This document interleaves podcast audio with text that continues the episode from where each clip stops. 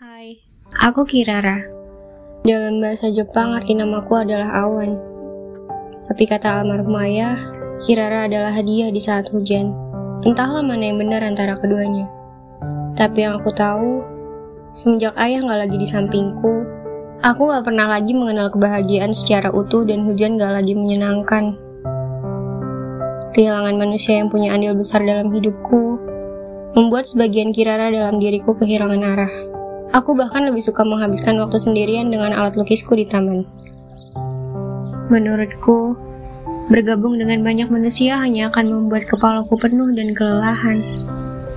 Mungkin sebagian orang menganggapku aneh, karena lebih memilih berteman dengan seekor kucing untuk diajak berbincang. Nah, lihat deh. Aku bawa apa? Tak terkecuali manusia satu ini, Harendra. Tetapi aku lebih suka memanggilnya dengan sebutan Ren. Mungkin Ren adalah satu-satunya lelaki atau bahkan satu-satunya manusia yang gak pernah mengeluh mendengar semua mimpi akan selalu jadi mimpi.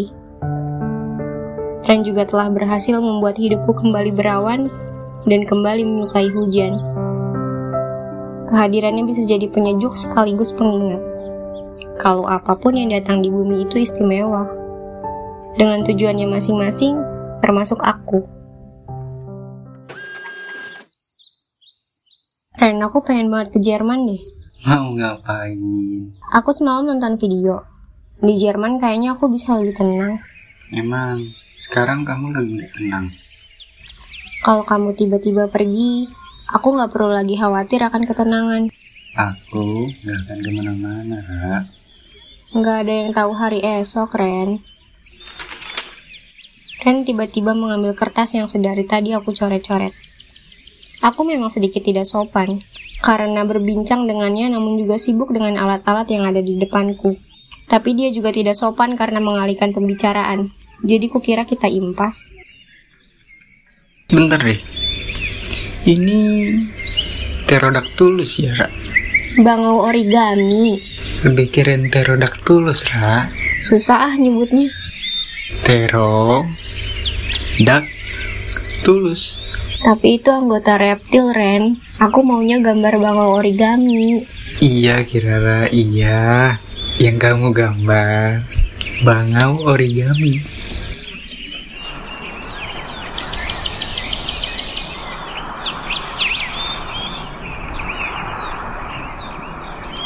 Ra, kenapa kamu nggak ke Jepang aja?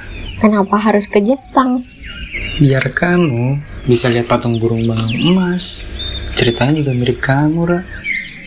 Maksudnya, aku akan berjuang melawan kesakitan lalu menaruh harap pada burung bangau origami ini. Bukan, bukan itu, Ra. Harapan, perjuangan, dan keteguhan yang kamu punya itu sama kuatnya. Aku makin kagum sama kamu.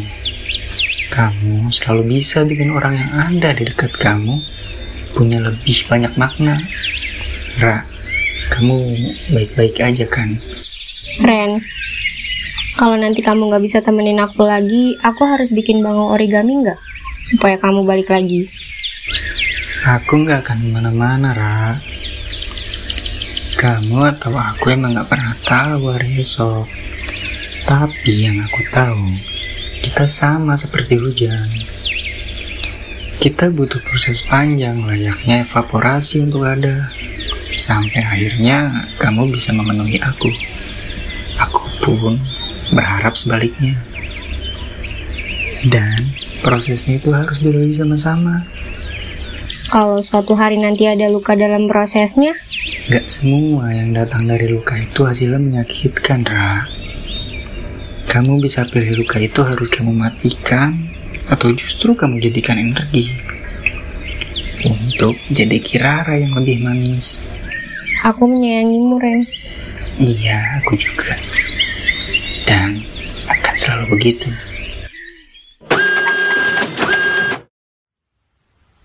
Aku masih berdiri menunggu hujan reda sembari menikmati aroma petrikor di depan ruko yang mungkin sebentar lagi akan tutup. Ponselku kehabisan daya. Jam tanganku berkabut. Dua sisi bahuku kebasahan akibat menerjang hujan tadi. Adegan-adegan itu berputar ulang secara rapi di pikiranku. Suaranya sangat dekat, bahkan sudah melekat, jauh sebelum aku kehilangannya.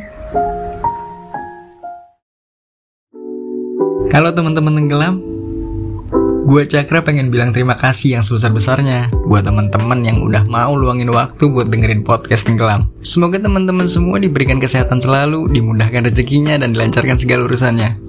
Oh iya, buat teman-teman yang ceritanya mau disuarakan, bisa kirim ceritanya lewat DM Instagram di @tenggelampodcast. Terus dengerin podcast Tenggelam ya. Thank you buat semuanya, support terus podcast Tenggelam. Sampai bertemu di cerita-cerita selanjutnya.